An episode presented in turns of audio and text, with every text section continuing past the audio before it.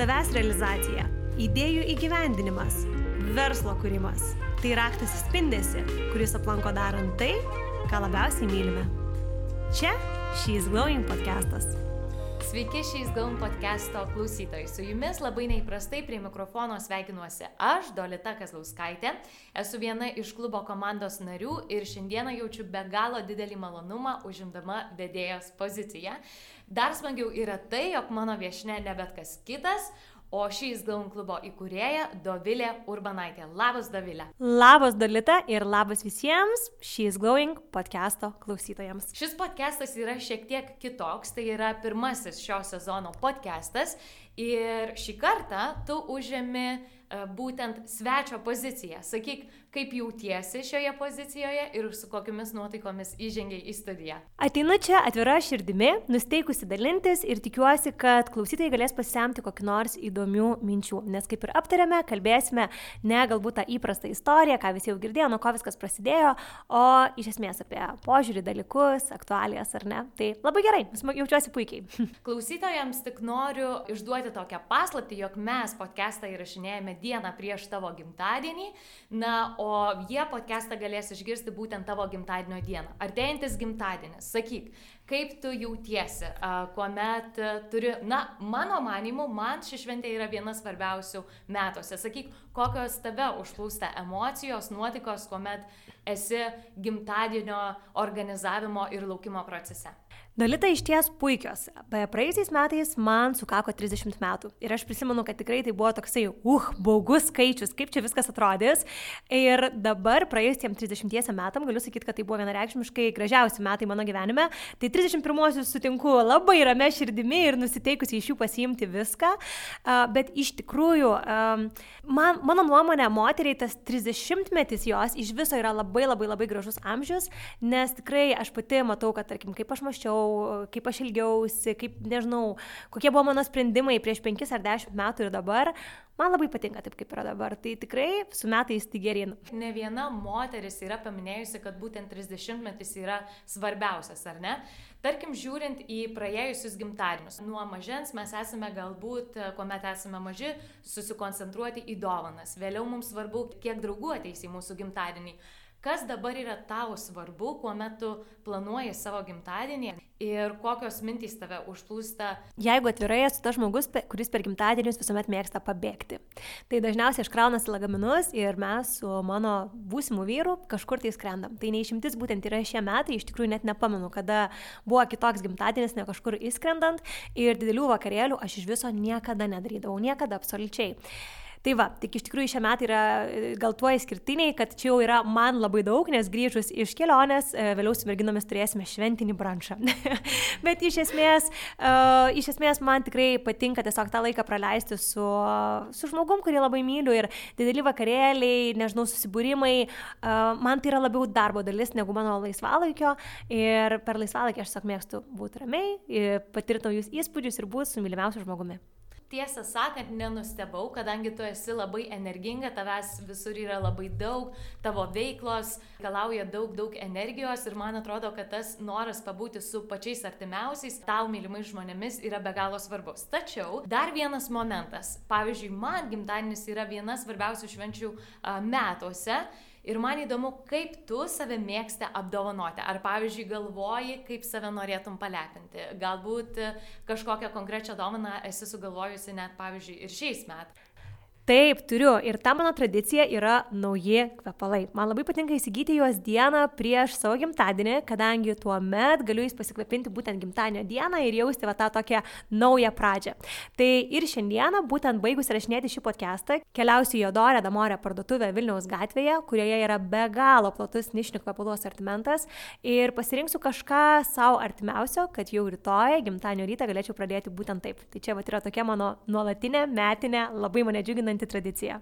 Labai džiaugiuosi, kad apdovanosi save dar vienais kvepalais, tačiau kalbant apie kvapo šleifą, į ką tu labiausiai atkreipi dėmesį renkantis savo kvepalus ir kas tau padeda juos išsirinkti. Galbūt tu jau žengiai į tą parduotuvę su mintimi, kad aš šiandien noriu būtent tokias natas pasirinkti? Na, aš esu turbūt labiausiai užnesantis klientas, nes aš ateinu ir sakau, aš noriu kažko, ką aš įsimylėčiau. O čia yra nelengvas dalykas, ar ne įsimylėti kažką. Tai tikrai e, dažniausiai būtent mėgstu išbandyti begalę skirtingų kvapų ir pasirinkti tai, kas labiausiai rezonuoja. Ir kodėl vat, paminėjau, kad keliausiu į būtent Odorę Damorę parduotuvę, tai sakau labai nuoširdžiai, Vilniaus gatvėje dirbanti konsultantė wow, ta prasme, jinai yra pats kruopščiausias žmogus, labiausiai atsidavęs savo darbui ir jinai yra turbūt vienintelė konsultantė visoje Lietuvoje, kuri man padeda taip išsirinkti, kad aš galiu ateiti nieko nežinodama, net neįtardama, jinai man taip rekomenduoja, taip mane gerai supranta, kad tikrai išeinu su tuo kvapu, kurį būnu įsimylėjusi. Tai labai rekomenduoju, man, man labai labai patinka ta parduotuvė ir jie turi nerealius žmonės. Tai va, tai tikiuosi, kad atrasiu ir šį kartą tą kvapą, kurį įsimylėsiu. Net nebejoju. Aš manau, kad tau tikrai tikrai padės atrasti tavo mylimą kvapą ir galėsi leistis į kelionę, į gimtadienio šventimą su pačiu geriausiu kvapu. Kalbant apie atsidavimą darbui, e, esi šis Going klubo įkūrėja, sukūrei moterų bendruomenę. Ar gali pasakyti, ką tavo asmenybei būtent davė šio klubo sukūrimas? Aš visą laiką sakau, kad tai buvo pats baisiausias dalykas, kurį kažkada esu padariusi. Tai mano nuomonė tikrai nesikeičia, tai iki šiol man yra pats baisiausias dalykas. Ir tai pagrindė buvo dėl dviejų priežasčių. Kad visų pirma, tai buvo visiškai naujas, unikalus dalykas Lietuvoje ir aš labai bijau, kad žmonės nesupras, ar ne? O kitas dalykas buvo tas, kad aš galvoju, jeigu jie supras, bet jiem nepatiks, tai irgi bus labai liūdna, nes aš taip norėčiau tai daryti. Idėja, kad šis Going klubo vystimas galėtų būti mano pagrindinis darbas, man buvo, na, tiesiog pati didžiausia svajonė. Įsivaizduoti, kad taip galėtų atrodyti mano kasdienybė ir, žinok, dalytai iš tikrųjų, aš būdavo, pavyzdžiui, kažkur keliaudavau ir aš pieždavausi savo galvoje viziją, kad, pavyzdžiui, aš įsivaizduodavau, aha, dabar mes esam čia ir įsivaizduok, Dovilė, kad tau dabar reikia prisijunginėti, pavyzdžiui, į live sesiją ir tu atvedi merginą, ir jos yra susirinkusios iš įvairių skirtingų šalių ir aš tiesiog visą laiką pieždavau savo galvoje tą viziją ir dabar labai dažnai, kai mes kažkur, tarkim, keliaujam ir iš tikrųjų aš turiu jungtis, tarkim, vesti kažkokius mokymus ar kažkokias live sesijas ir aš tą galvoju, Davilė, ar tu prisimeni, kad tu tik apie tai svajojai. Tai aš iš tikrųjų kiekvieną dieną savo širdyje nešiojasi labai daug dėkingumo, kad šis Going klubas tikrai tapo ne tik mano pilno etato darbu, bet mes turim ir komandą ir, ir augam ir tikrai nesustosim.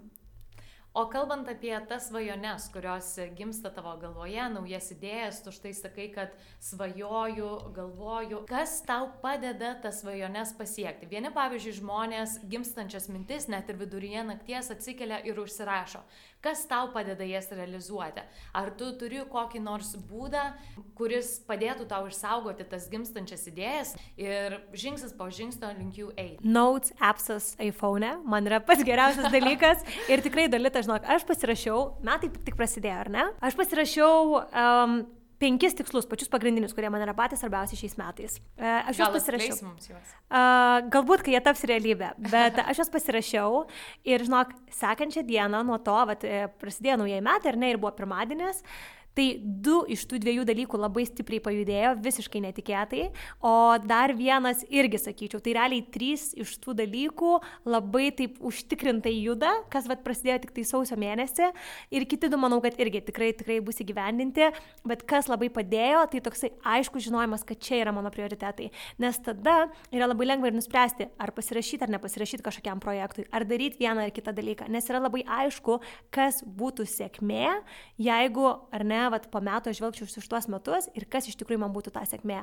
Tai man asmeniškai labai padeda ir viską rašytis konkrečiai, aš mėgstu net ir garsiai pasakyti keliam žmonėm, nes Tuo pačiu, kai mes pasakom kažką garsiai, tai yra ir įsipareigojimas kitam, ar ne, kad padarysi. Tai nesinori nuvilti, nesinori nuvilti ne tik savęs, bet ir kitų. O kas tau padeda išsiskirti tuos prioritetus?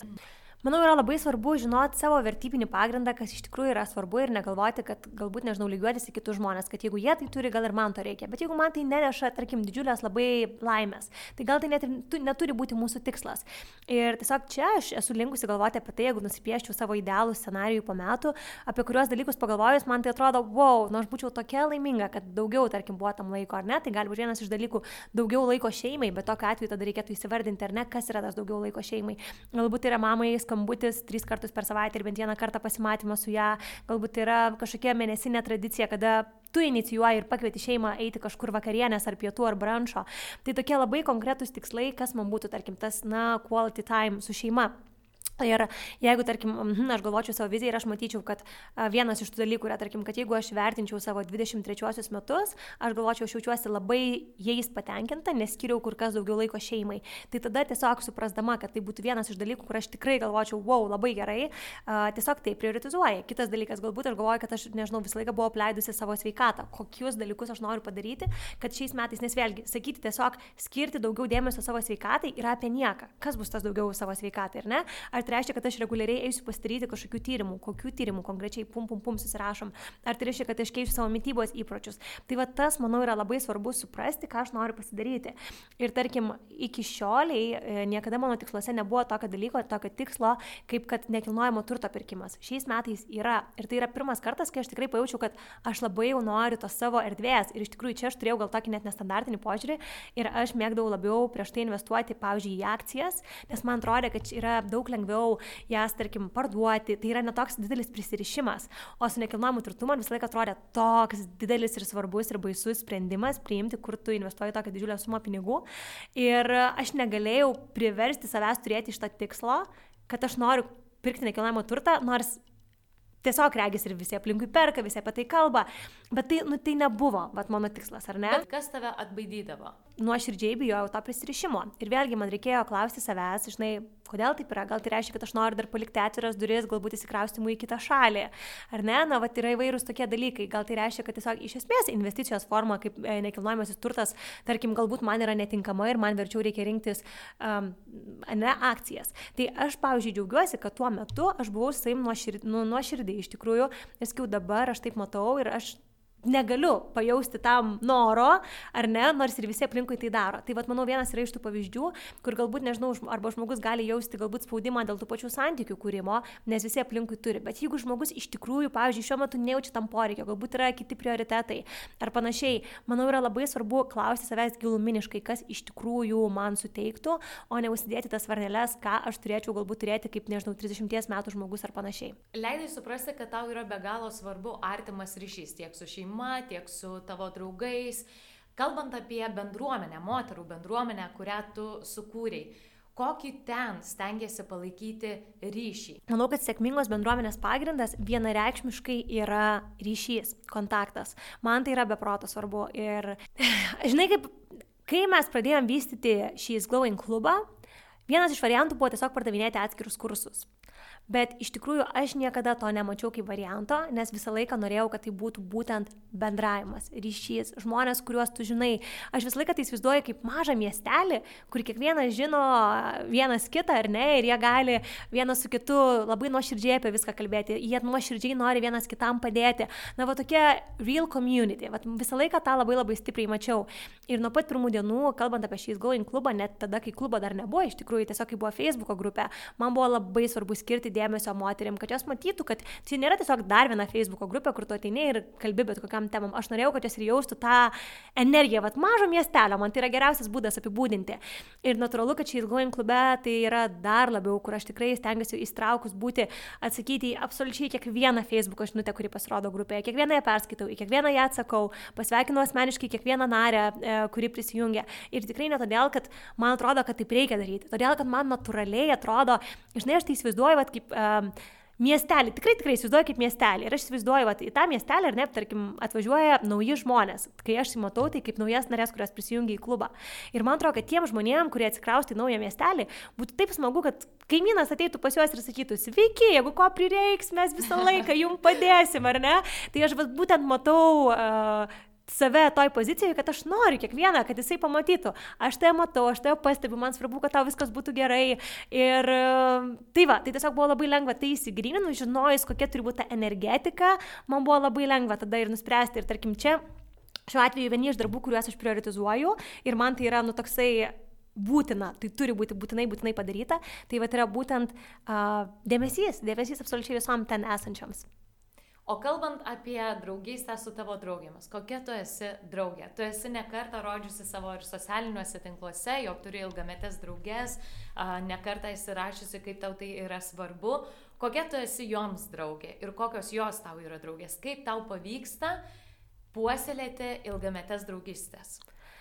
Oi, aš turiu pačias nerealiausias draugės, tikrai galiu drąsiai tai sakyti, ir draugystės uh, mane labai labai įkvepia. Ir iš tikrųjų aš turiu daug draugių, kurios mano gyvenime yra nuo mokyklos laikų, nuo tada, kai man buvo 14 metų maždaug, mes susipažinom 9 klasėje ir nuo tada mūsų ta draugystė iš tikrųjų įsilaikė. Ir žinai, kaip būna, kad natūraliai su metais ta draugystė galbūt kažkaip vėsta ir ypač, kai žmonės gyvena skirtingose šalise, nes mes tokie kaip ir hebrytė buvome visų tų merginų, iš kurių tikrai nemaža dalis jų gyvena net ne Lietuvoje. E, ir, ir ir tikrai tuo laikotarpiu vis keitėsi ir aš pati gyvenau skirtingose šalyse, bet mums tikrai kažkaip pavyko įsaugoti tą labai labai tokią artimą draugystę ir eiti pro įvairiausius etapus e, - santokas, skirybas, sėkmės, nesėkmės, persikrūstimus į kitas šalis, visko buvo, bet tikrai išlaikėm tą labai artimą ryšį. Bet taip pat mano gyvenimą, ypač grįžus gyventi į Lietuvą, atėjo ir daug naujų moterų, nuostabių, nuostabių žmonių. Ir pažintis tomis moteriamis iš tikrųjų gimė e, per socialinius tinklus. Tai aš manau, kad tai yra puikus būdas ir nereikia bijoti. Visų pirma, nereikia bijoti užmėgsti naujų draugysčių ir tada, kai tau yra nebe 18 metų, pavyzdžiui. Ir nereikia bijoti ir socialinių tinklų, nes aš manau, kad tai yra puikus būdas pamatyti žmonės, kurie iš karto mums jau rezonuoja, ar ne? Mes gal galim kažką matyti ir galvoti, o, man patinka, kaip tas žmogus reiškia mintis, man patinka jo filosofija, aš norėčiau jį užkalbinti. Tai tikrai nemažai mano draugysčių prasidėjo būtent nuo paprastų visiškai paprastų žinučių socialiniuose tinkluose, kurios vėliau peraugė į susitikimus, ar ne, į tolimesnį ryšį, bendravimą. Ir gimė tikrai nuostabių naujų a, draugyščių. Ir šalia tikrai turiu tas moteris, kurios įkvepia mane daryti dalykus. Ir manau, kad tas yra labai svarbu, kad e, jos neteitų ir, nežinau, skūstusi nuolatos gyvenimu, apie savo problemas yra labai gerai kalbėti ir natūralu, kad taip ir turi būti santykiuose, draugystėse, bet turiu meni gal labiau kalbėti apie tokias problemas, kurių mes nelabai galim pakeisti, šiaip piktinasi iš esmės apie gyvenimą, ten nuolatos kylančias kainas, e, visi darbuotojai prasti, visi, nu žinai, va toksai vaibelis. Tai tiesiog, aš manau, yra labai gerai aptarti problemą, bet tada ir galvoti, kaip galima ją įspręsti. Bet tas toksai iš esmės e, logiškas, racionalus mąstymas, mąstymas toksai do it attitude, ar ne, toksai nusteikimas, kad yra problema, sprendžiam, žinai, pastarkim, kaip ką daryti, o ne tiesiog piktinimas, tai man labai norėjosi va tokių žmonių iš tikrųjų ir būtent tokios yra mano draugės. Jeigu kažkuria yra problema, mes susėsim, spręsim, ieškosim to atsakymo, uh, tuo pačiu Tame tikrai... Namel, e, miestelėje, kaip tu sakei, ar ne? Taip, draugystė irgi vienareikšmiškai yra ryšys ir šitas dalykas man visą laiką buvo labai svarbus, aš labai mėgstu, kad mano draugės tarpusavėje taptų e, draugėmis. Aš tikrai mėgstu jas suorganizuoti, suvienyti. Ir nežinau, man atrodo labai smagu, kad visos puikiai sutarė ir aš tikrai nerimstu vien šioje kėdėje pagalvojusi apie tą patį savo mergvakarį, kurio tikrai labai laukiu ir ko, kaip bus smagu turėti visas tas mano nerealias draugės vienoje vietoje. Tai draugystės yra labai svarbus dalykas ir jeigu dabar yra klausytojų, kurie klauso ir galvoja, kad nu, kur man rasti draugysčių, ar ne? Tai aš manau, kad tikrai e, nepabijokim iš esmės atsiverti tom naujom draugystėm. Ir e, vėlgi, yra tas pats šis going klubas, yra socialiniai tinklai, yra įvairūs renginiai, kuriuos galima eiti, e, kažkokie užsiemimai, mes galim pagalvoti, kokius interesus mes turime, jeigu mes einame į, nežinau, e, meno kažkokius užsiemimus ar galbūt į kažkokius šampano teistingus. Tai natūralu, kad, nu, tarkim, tam tikrus žmonės ir galim sutikti, kurie jau turi tuos interesus, kuriuos turim ir mes, ir jau yra kažkas, kas mus jungia. Ir kai yra kažkas, kas mus jungia, yra daug lengviau statyti, ar ne, tą draugystę. Tai aš manau iš tikrųjų, kad savęs apsupimas žmonėmis, teisingai žmonėmis, žmonėmis, kurie motivuoja, kurie įkvepia, kurie, nežinau, primena galbūt tau savo vertę, kai tu prats pradedi ją abejoti, nes taip tikrai būna. Aš manau, kad tai yra nuostabiausia palaikymo komanda. O kaip tu manai, kas sustabdo žmonės ieškoti tų naujų draugiščių? Žinai, kas yra pagrindiniai faktoriai, kuomet žmonės galbūt nenori, no, nors ir norėtų leistis į naują draugystę, sutikti moteris, kurias, kurios įkvėptų, bet atsiranda tas, nežinau, galbūt baime, galbūt šiek tiek nepasitikėjimas savimi. Kaip tu manai, kas stabdo? Aš manau, kad tikrai tai yra baimė ir nejaukumas, nes tai yra išėjimas iš komforto zonos, ar ne? Visą laiką, kai susitinki su nauju žmogumi, natūralu, kad reikia laiko apšilti, reikia visi, ta prasme, draugystė irgi yra gėlė, kurią reikia laistyti, puoselėti, ar ne, ir tas santykis tik tai gilėja su laiku. Tai įvairūs įvairūs dalykai, manau, kad tai vis tiek yra ir tam tikros laiko sąnaudos, nes vis tiek investi į, į draugystės reikia ar ne investuoti ir daugiausiai reikia investuoti laiko, tokio nuoširdaus rūpeščio, ar ne? Tai, bet aš manau, kad tiems, kurie galbūt m, tų naujų draugyšių nemesga todėl, kad bijo, aš labai juos raginčiau tai padaryti ir nesvarbu, kiek jums metų, ar jums yra 25, ar 45, ar 65, tikrai drąsiai galiu sakyti, kad yra kitos moteris, kurios irgi trokšta tų naujų įkvepiančių draugysčių. Tikrai yra, tikrai. Noriu sugrįžti dar šiek tiek prie tavo kelionių. Minėjai, kad kelionės yra tavo neatsiejama gyvenimo dalis, kad padeda tau sugeneruoti naujas idėjas, galbūt įgauti daugiau motivacijos. Kuomet keliauji, ar esi, pavyzdžiui, atkreipusi dėmesį, koks yra požiūris į verslę moteryje Lietuvoje ir svetur? Dalita palėtė labai gerą temą, nes aš tam dalykui turiu silpnybę. Kai aš kažkur keliauju, o ypač e, bet sakyčiau, Vokietijoje, Švedijoje labai daug yra tokių būtykų, tokių concept stores ir kai mes tenai vaikštinėjom, ar ne, aš labai mėgstu užsukti į tas parduotuvės ir aš visą laiką klausiu, oi, čia sveiki, ar čia dirbat, ar čia jūsų. Jeigu žmogus sako, kad jo, aš tiesiog negaliu susilaikyti, bet aš pradedu klausinėti. tai kaip ir kas prasidėjo ir aš prisimenu labai puikiai, mes buvom Stokholme ir mes tiesiog ėjom gatvė ir aš pamačiau labai gražiai atrodančią parduotuvę, labai labai gražią suknelę, labai norėjau ją nusipirkti, gaila, nebuvo mano dydžio, nes tikrai būčiau nusipirkusi, bet aš užėjau, pradėjau matuotis ir mergina tenai buvo ir mes kažkaip su ją irgi truputėlį užsikalbėjom ir jinai pasakė, kad tai yra jos uh, sukurtas ar ne būtikas, jinai pasako, ką darė prieš tai, tikrai nerealaus grožio drabužiai, labai gražiai viskas pateikta, toks sakyčiau, high fashion, bet vad kuriamas tiesiog tenai prekinis vardas, man tai patiko ir žinok, ta prasme, mano antroji pusė, jisai turbūt net galvoja, kas čia iš viso vyksta, nes aš tiesiog su ją apie viską tenai kalbu, tada mes pradėjom kalbėti iš esmės, jis sako, taip, mes čia irgi turim bendruomenę, tenai moterų, sako, mano visos draugės verslės, pradėjo pasakoti, ką jos draugės veikia, mes su ją apsikeitėm Instagramais, mes iki šiol vieną kitą followinam, susirašom, tai iš tikrųjų man yra labai įdomu pažinti ir tiek kitus verslus, man labai patinka pažinti mažus prekinius vardus, tokius ne, nu, vad, ne tą mainstreamą, ar ne, o kas, kas yra va tokio mažo, unikalaus, kažkokie konceptai, nes mano nuomonė tie prekiniai vardai yra, man tiesiog apsalo nuo jų širdis, nes aš žinau, kiek ten yra įdėta daug meilės, idėjų ir jie, jiem yra sunku konkuruoti su rinkos gigantais ir dažnai todėl tie prekiniai vardai būna dar daug, daug, daug kokybiškesni, nes žmogus nori visais įmanomais būdais įsiskirti, apgalvoja labai, nu, viskas iki detalių būna taip gerai. Tai man iš tikrųjų keliavimas ir e, kitų visokių mažesnių verslų pažinimas, galimybė susipažinti su kitais versliais žmonėmis, tai yra taip smagu ir aš labai stengiuosi kelionės tam, tam būtent išnaudoti.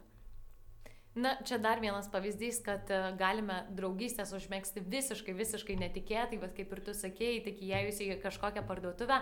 O kaip tu manai, tas požiūris į verslę moterį lengviau yra e, rutuliuoti verslą užsienyje ar čia Lietuvoje? Manau, kad tai labai priklauso nuo to, kokį verslą mes norime pradėti ir šalis nebūtinai čia yra kažkuo dėta. Ir tai va, reikėtų visą tai ir įsivertinti. Pavyzdžiui, aš pradėjau verslą savo pirmąjį Tenerifeje gyvenant ir teoriškai tam tikri dalykai buvo sunkesni. Pavyzdžiui, tie, kad aš net nekalbėjau ispaniškai ir visiškai nieko nežinau apie ten galiojančias taisyklės, neturėjau jokių kontaktų. Na tai buvo man toksai va, visiškai ir ne baltas popieriaus lapas. Lietuvoje yra daug paprasčiau, nes jau yra kontaktai. Tačiau kas buvo palanku Tenerifeje, kad tarkim ten aš pasižiūrėjus tą pačią vestuvių rinką, pamačiau, kad iš esmės yra nuo to galbūt, ką aš mačiau Lietuvoje ir šiaip pasauliniam konceptė, nu kokie minus penki metai Tenerifeje. Jie buvo truputėlį sustoję laiku, laike, ar ne? Ir kaip atrodo tos vestuvės, kaip jie patys savo pateikė, kaip jie veda socialinius tinklus, kaip atrodo jų internetinės svetainės. Jos regis buvo užstrigusios penkiais metais atgal. Ir aš mačiau, kad ką čia galima padaryti, čia galima įnešti šviežio oro gūsį, ar ne, viską daryti moderniau, kitaip, stilingiau, nu, apgalvoti visus tos dalykus. Tai tarkim, man tas labai padėjo, kai aš įstyriau rinką ir aš mačiau, ir tarkim, aš manau, kad um, šiuo atveju man buvo lengviau daryti tą verslą Tenerifei, nes aš buvau įsigryninusi savo aišku įskirtinumą, apgalvoti, kokioje rinkoje aš pradedu ir nesvarbu, ar tai būtų Lietuva, aš nebejoju, kad aš Lietuvoje būčiau gryninusi, kaip aš galiu įsiskirti ir ką aš galiu padaryti kitaip, bet man yra svarbu suprasti tą konkurencinę geresnę aplinką, kurioje mes esam ir pagalvoti, kaip čia būtų galima įnešti kitą požiūrę kampą, kažkokį, nežinau, keletą dalykų, kurie jau mūsų skirtų iš kitų. O kurioje šalyje tai padarysim, galbūt net netaip ir svarbu. Tai ar tai reiškia, kad mes tiesiog turime labai labai kruopščiai ir nuoširdžiai padaryti namų darbus prieš pradedant vystyti savo verslo idėją? Aš manau, kad nerti į dalykus tačia galva yra, žinai, smagiai skambantis dalykas ir aš tą palaikau, nes tikrai, kai žmogus e, pusantrų metų pirmin atgal galvoja ir dailina tą savo verslo planą, tačiau jisai dūla kažkur stalčiuje, nu, naudos yra absoliutus nulis.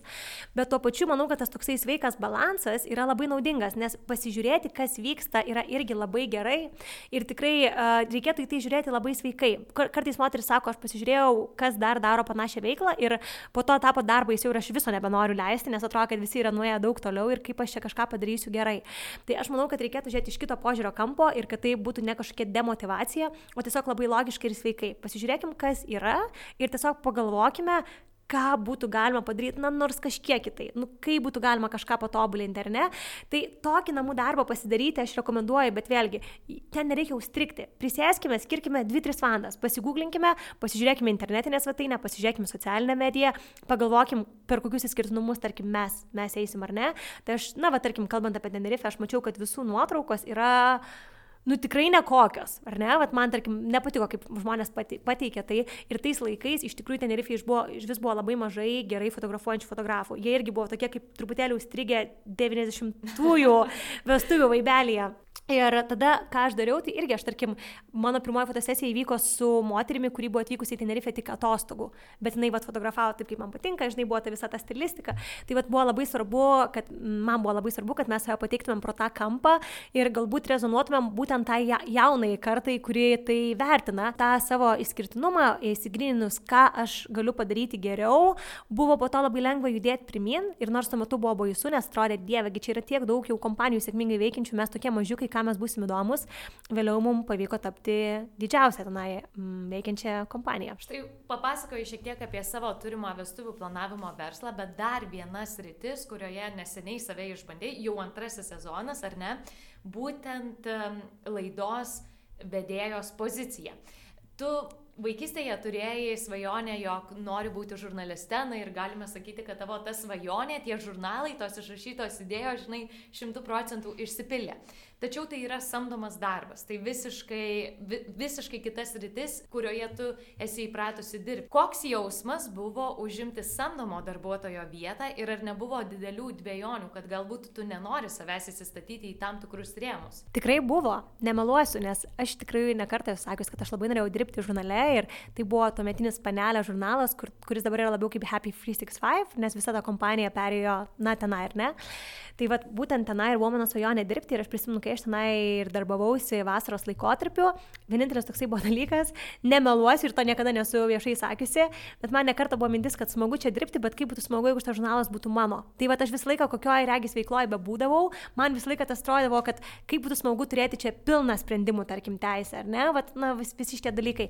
Tikrai neslepiant, um, man yra sudėtinga būti įsprausta į kažkieno kito sugalvotas taisyklės ir rėmus ir apibrėžimus, man tai yra tikrai nelengva.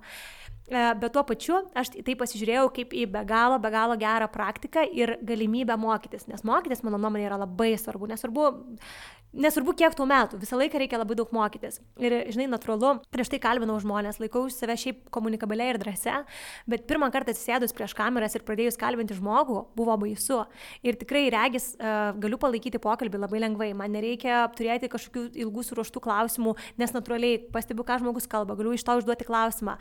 Bet atsisėdus pirmą kartą prieš filmavimo kameras buvo toksai, kokie ten buvo klausimai, kaip nepamiršti. Ir žmogus kalba, o aš jau galvoju, neklausau jo, o jau galvoju, kokį klausimą dabar reikės užduoti, kad tik nepamiršti.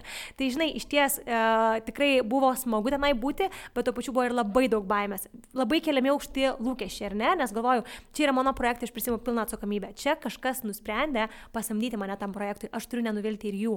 Tai buvo be galo toksai stiprus atsakomybės jausmas. Tai iš tikrųjų visa puokštė, visa puokštė emocijų, e, bet ta patirtis labai daug visko išmokė Ir tikrai iš pat pradžių, pavyzdžiui, man buvo sunku galbūt tą savo, nežinau, tikrą energiją, charizmą perteikti ar ne per televizorių, nes, hu, atrodo, susikausti ir galvoju, kaip tik viską gerai padaryti.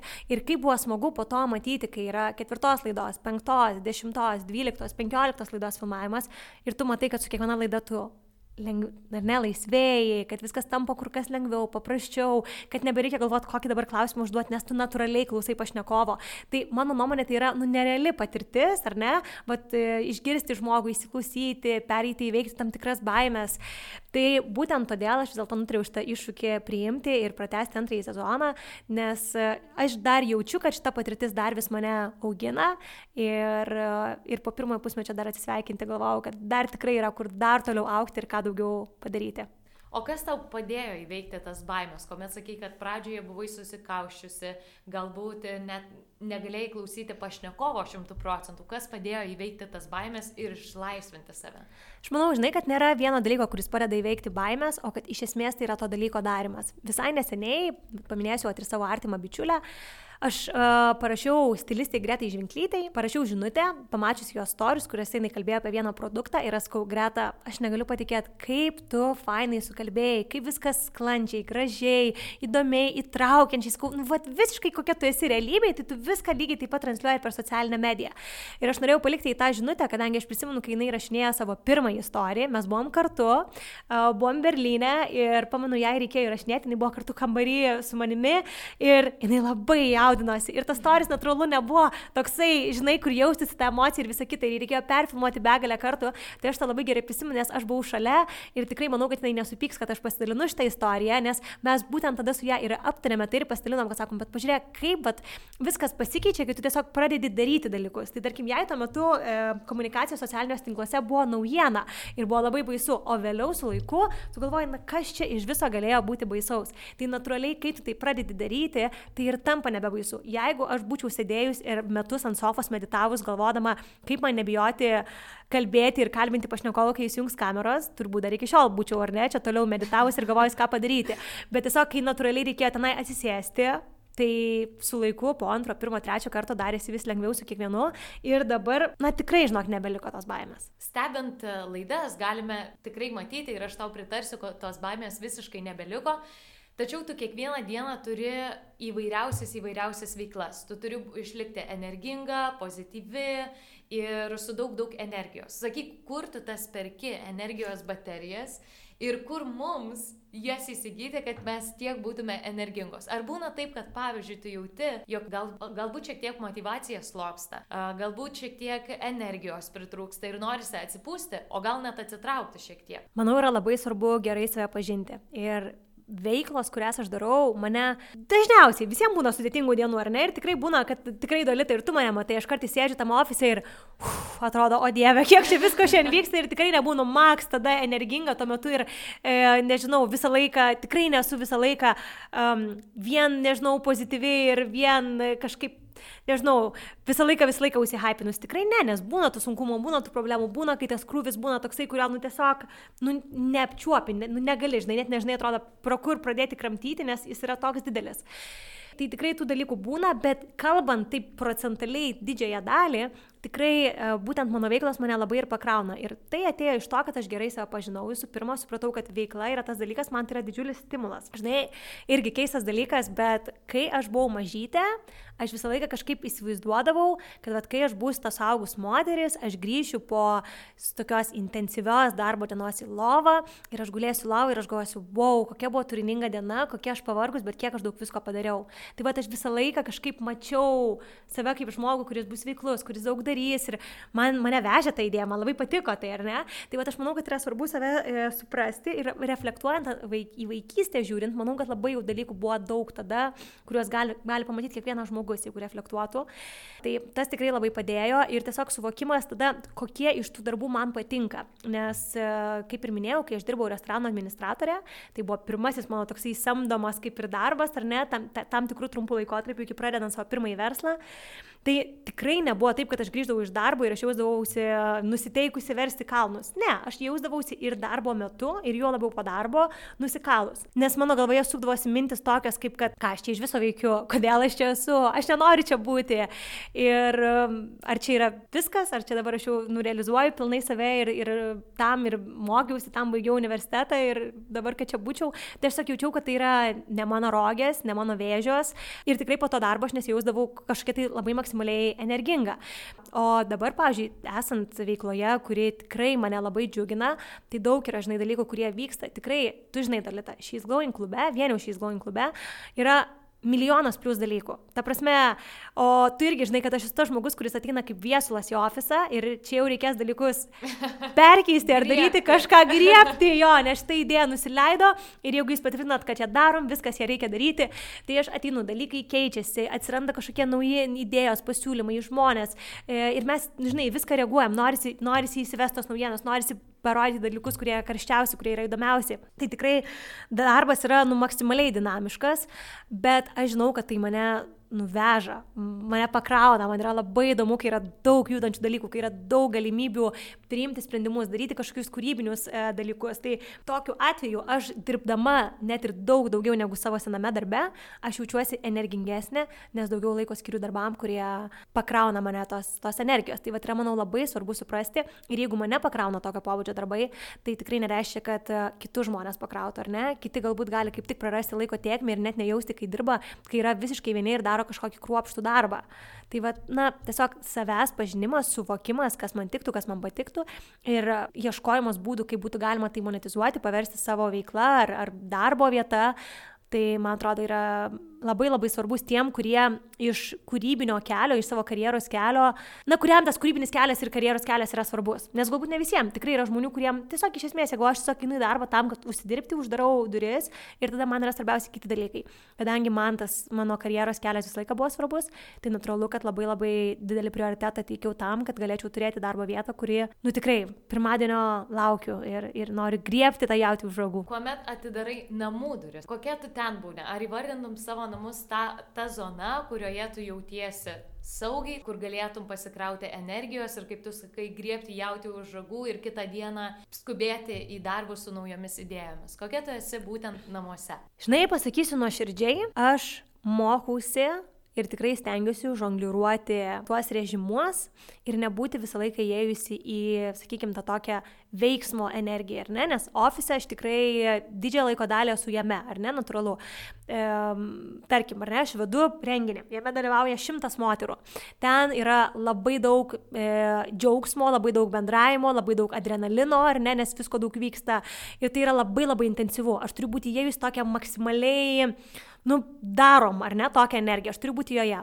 Ir tada aš grįžtu namo ir aš dar vis su to energijai. Aš dar visą su to energiją, nes taip lengvai pakeisto mygtuko neįmanoma. Ir tada aš labai stengiuosi dirbti ties tuo, kad kažkaip aš galėčiau namuose visų pirma atsipalaiduoti tam, kad galėčiau pati pailsėti. Ir visų antra, um, tikrai manau, kad net ir tiem patiems santykiam tikrai yra naudingiau ir geriau, kai aš nebūnu visą laiką toje tokios, nežinau, maks užsidegusios, maks dominuojančios. Ir dažnai tada grįžus namo tikrai mokausi ir stengiuosi kažkaip įeiti į tą kitą energiją, ramesnę, nusiraminti, visų pirma tam, kad galėčiau ir pati, taip, žinai, savyje vėl atrasti tą vidinę ramybę. Ir visų antra, kad aš galėčiau um, skirti kokybišką laiką savo būsimam vyrui, mūsų šuniukui, nes ten man nereikia, kad aš grįžus namo, nežinau, perstinėčiau baldus ir, nu, ta prasme, daryčiau kažkokius kitokius didžiulius dalykus, ar ne? Tai man... Dar vieną renginį namuose surengtum. Dar vieną renginį, šau kokį nors padaryčiau. Ne, ta prasme, tiesiog norisi uh, ramaus pokalbio, kokybiško, norisi, kad mano antroji pusė matytų, kad aš skiriu jam laiko, kad aš paklausiu ir pasidomiu, kaip atrodė jo diena. Tai man iš tikrųjų yra svarbu pereiti į tą režimą ir, tarkim, kadangi aš vedu dažnai live mokymus būtent iš savo namų.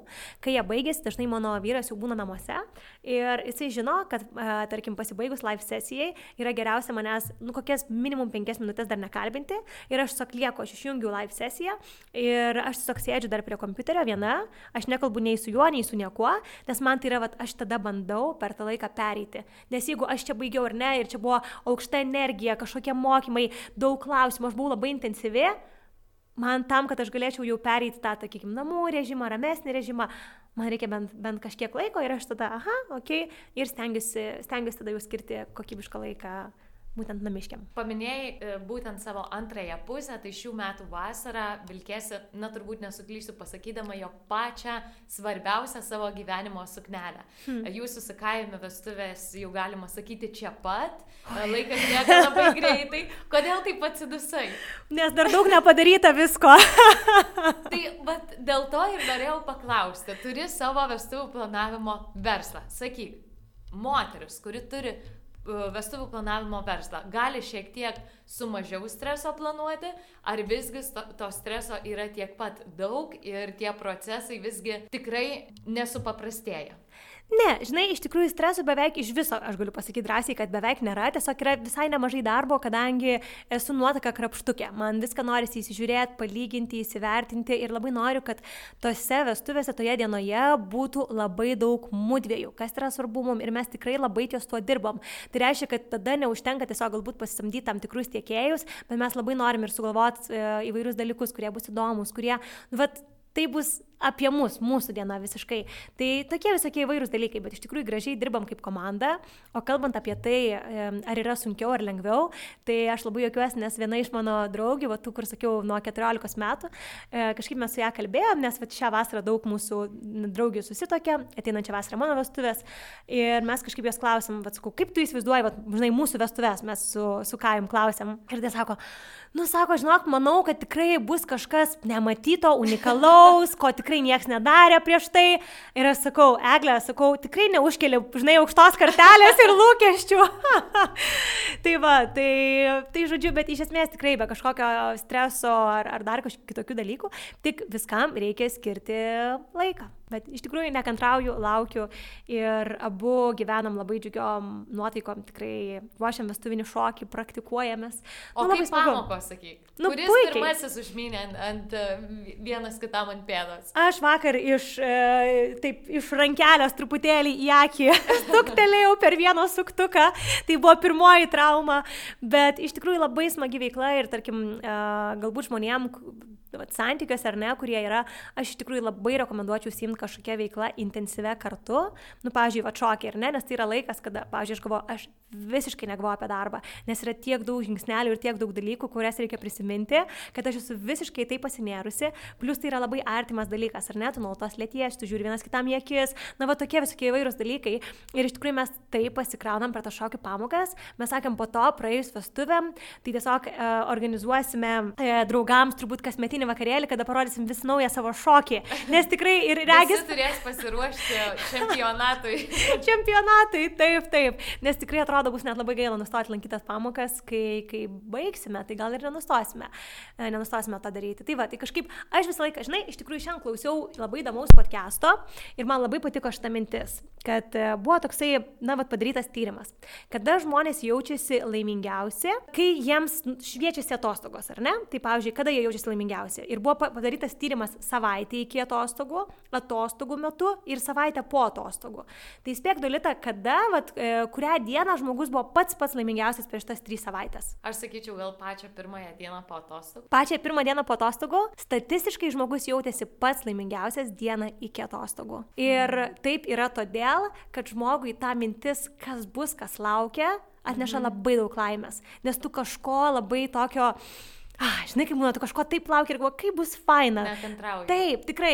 Na, pavyzdžiui, tų pačių kalėdų, ar ne? Didžioji dauguma mūsų taip laukia, nes taip, oi, atrodo, kaip faina. Ir dažnai galbūt net pats tas laukimas būna nemažiau smagus negu pati ta kalėdų diena, bet tas laukimas kalėdų yra be galo gražiai iš esmės dalis, ar ne? Vat viso to kalėdinio laikotarpio.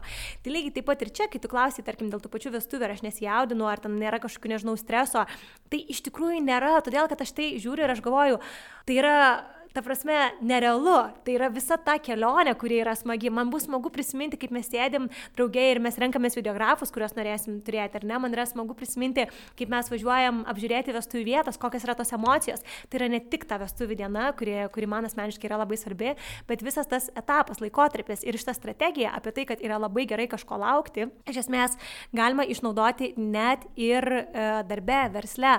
Pavyzdžiui, tai gali veikti kaip labai geras toksai darbuotojų motivavimas sprendimas, jeigu visą laiką įmonės vadovas ar HR žmogus sugalvoja kažką, ko darbuotojai gali laukti. Tai dėl to yra svarbu, tarkim, kad darbuotojai gerai žinotų, koks yra tikslas, nes jie supranta, link ko mes siekiam, žinai, ir kaip, kaip tarkim, tai atrodys, arba galbūt tai yra kažkokia veikla ar ne. Tai vad, kad visi žinotų, link ko mes judam, dėl to, kad tas laukimas yra labai labai daug laimės na, atnešantis jausmas. Aš manau, kad mes čia netgi galbūt sugrįžtame prie tų tikslų išsirašymo, kuomet juos kontempliuojame ne tik savo galvoje, bet mes aiškiai matome savo užrašuose, kad aš noriu pasiekti tą tikslą, daug maloniau, kaip tu sakai, ir daug tikslingiau tu gali jų siekti. Sugrįžtant prie jūsų su Kajumi santykių, kaip jūs abu stengiatės puoselėti santykius, kuomet tiek partneris, tiek partnerė turi labai aktyves veiklas ir labai aktyvų gyvenimo būdą? Manau, kad svarbu irgi yra tam skirti dedikuotą kažkokį tai, dė... na, vat laiką, ar ne, kada, kada mes kažką padarysim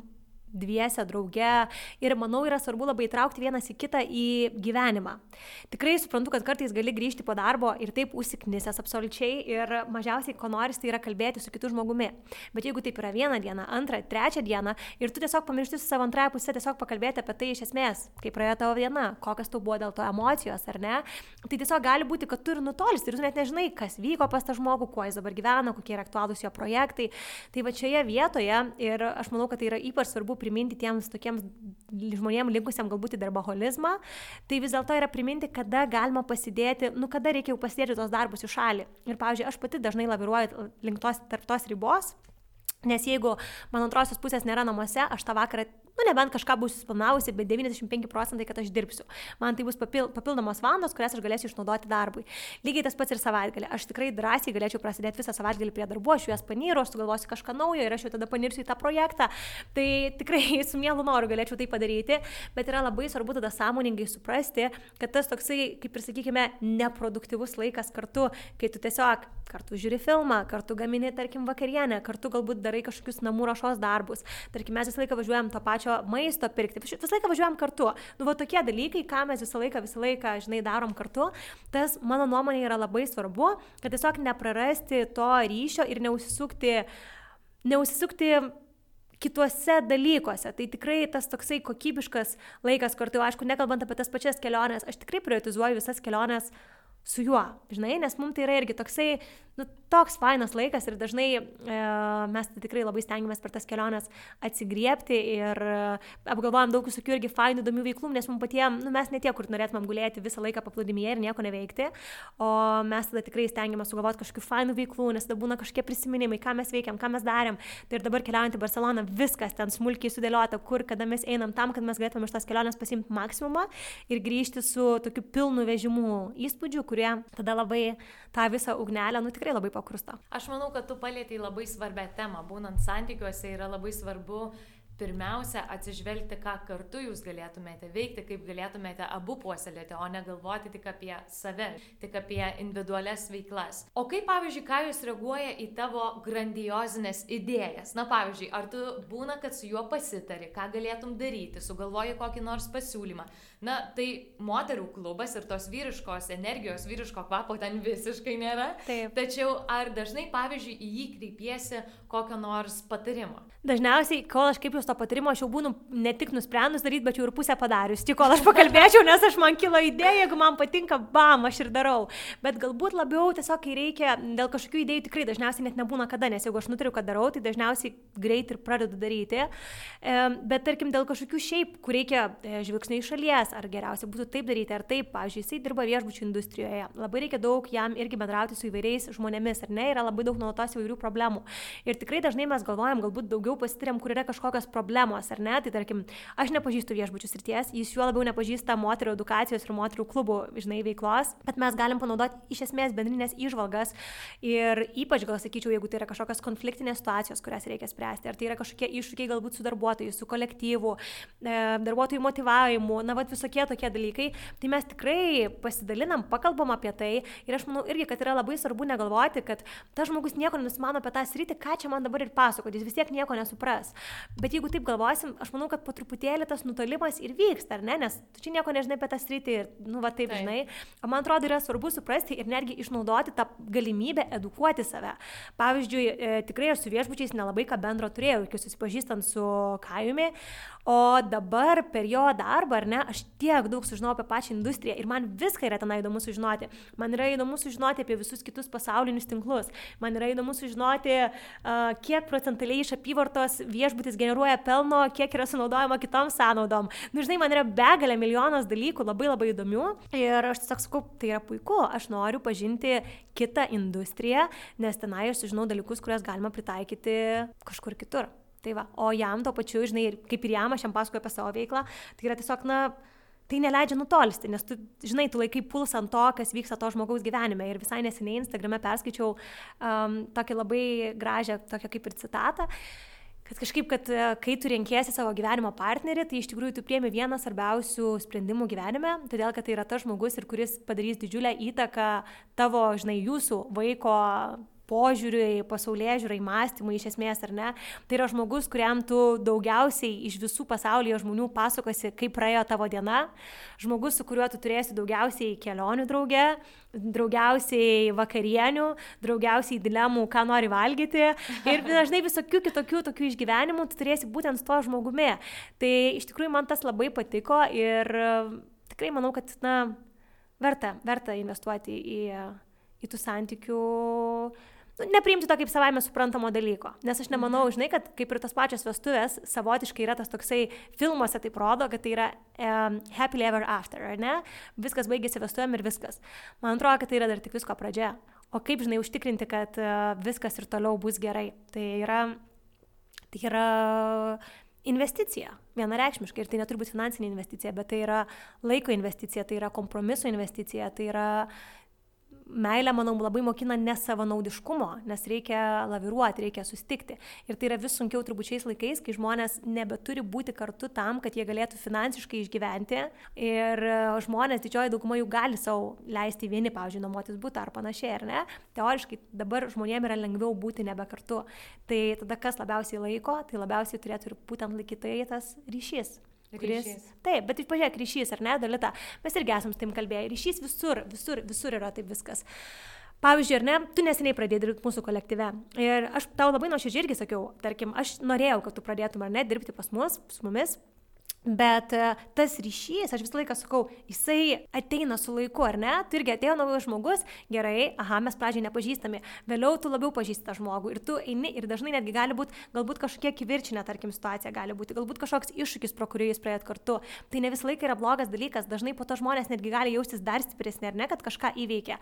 Tai mano nuomonė, kad tie tokie esminiai ryšiai, santykiai, ar tai yra draugystės su draugiam, ar tai yra mūsų antroji pusė, šeima, mūsų kolektyvas, nu visa tai yra nu labai banaliai skamba sakyti kaip gėlės, kurias reikia laistyti, nu bet labai gerai Puoselėti. vaizdiškai. Taip, mhm. žinai, labai, nu tas vaizdas, manau, labai puikiai atitinka, būtent taip, kaip aš tai matau. Aš tau labai esu dėkinga už šį pokalbį, už tavo atvirus atsakymus, labai nuoširdžius, mes palėtėm tikrai nemažai temų ir kaip tu minėjai, aš manau, kad nebūtinai, ar tai būtų darbas, ar tai, ar tai būtų santykiai, ar tai draugystė su tavo artimiausiamis draugėmis, mes tiesiog negalime nieko priimti kaip savaime suprantamo dalyko, mes turime tai puoselėti.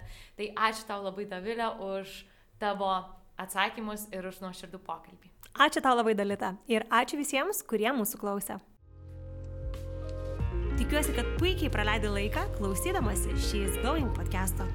O jei nori daugiau bendrystės, nuostabių ir įkvepiančių istorijų, naujų žinių, renginių ir kitų privilegijų, kurias gauna tik She's Going klubo narės, keliauk tiesiai į mūsų internetinę svetainę www.sheisglowing.lt ir tap mūsų klubo nare.